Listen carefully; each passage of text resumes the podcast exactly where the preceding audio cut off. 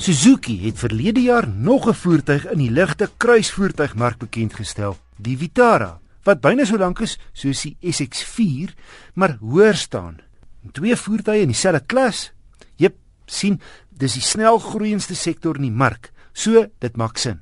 Jy sal vergewe word as jy die Vitara vir die eerste keer van voor af sien en dink dis 'n klein Range Rover, want die vorm van die enjin kap en hoofligte trek op die Evoque.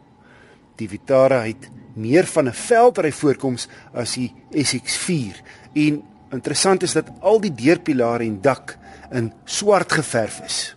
Dit saam met die agterste vensters se donker tint skep 'n aantreklike kontras met die toetskar se rooi afwerking. Die res van die Vitara se lyf maar redelik verbeeldingloos in vergelyking met mededingers soos die nuwe Mazda CX-3. Binne ruim vir sy lengte van 4,2 meter. Ook welkom is die hoë sitposisie en 'n grondvryhoogte van 18,5 cm. Wat beïndruk is die goeie ritgehalte. Die demping en vering is perfek vir Suid-Afrikaanse toestande. Die binneruim en paneelbord is generies Suzuki, met ander woorde heel netjies en funksioneel. Hierdie GL+ model bied 'n hele paar aangename luksus wat jy nie in die goedkoopste GL kry nie. Soos 16 duim alloy wiele, misligte voor, verdonkerde vensters, 'n heel netjiese konstrukterende stukwerk op die sitplekke, 'n leerstuurwiel, spoedbeheer en outomatiese klimaatbeheer. Standaard in die hele reeks is nie minder nie as 7 ligsakke, dagryligte en elektroniese stabiliteitsbeheer.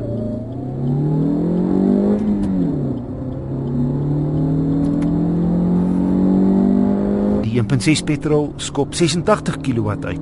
Kar het die 0 100 in 'n billike 10,8 sekondes skaf gedraf. Dis nou by seevlak, maar min wrinkrag teen lae toere beteken dat hy volgelaai en met die lugversorging aangeskakel hier op die Hoëveld stoom verloor teen opdraandes. Wat eienaars wel baie welkom sal vind, is die Vitara se petrolverbruik. My gemiddelde was 6,3 liter per 100 km. Uitstekend vir die tipe voertuig. Net 5 ratte vorentoe, maar hy's goed gerad. In 5de rad lê die toere by 120 so net bo die 3000. Maak dit so 3200. Hierdie GL+ voorwiel aangedrewe model teen 290 000 rand is waar die beste waarde lê in die Vitara reeks.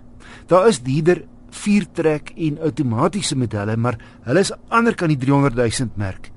En die modelle gaan meer krag eis van die beskeie 1.6. Die Vitara GL+ is dalk nie 'n opwindende oorkruiswaandjie nie, maar hy sit nie 'n voet verkeerd nie en hy's 'n welkome toevoeging tot die Suzuki reeks hier in Suid-Afrika. Toyota het onlangs sy Avanza snoetbus buite en binne vernuwe. Die voorligte buffer en sierrooster is nou meer aantreklik, maar verder dieselfde resep en nogal regop voorkoms en hy trek met sy agterwiele. Hier gaan dit om een ding, spasie. Sewe sitplekke en dan nog 'n bietjie pakplek. Die derde ry kan nou 1 helfte 1 helfte plat slaan wat die busie meer veelsidig maak. My kinders het die derde ry baie geniet, byna in hulle eie wêreld daar agter.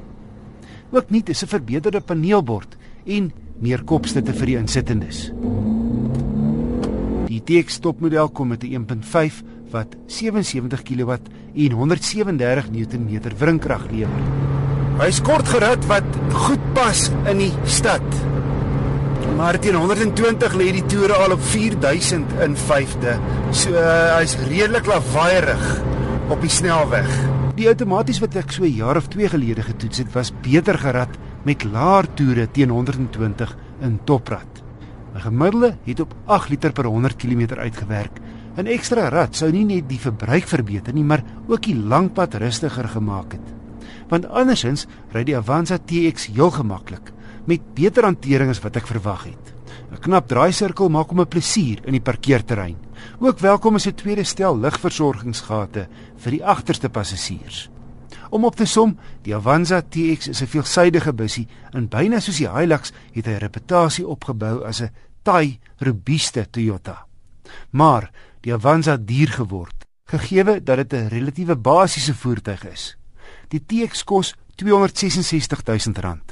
Dis meer as 40 000 duurder as sy vernaamste mededingers, die Honda Mobilio en Suzuki Ertiga se duurste modelle.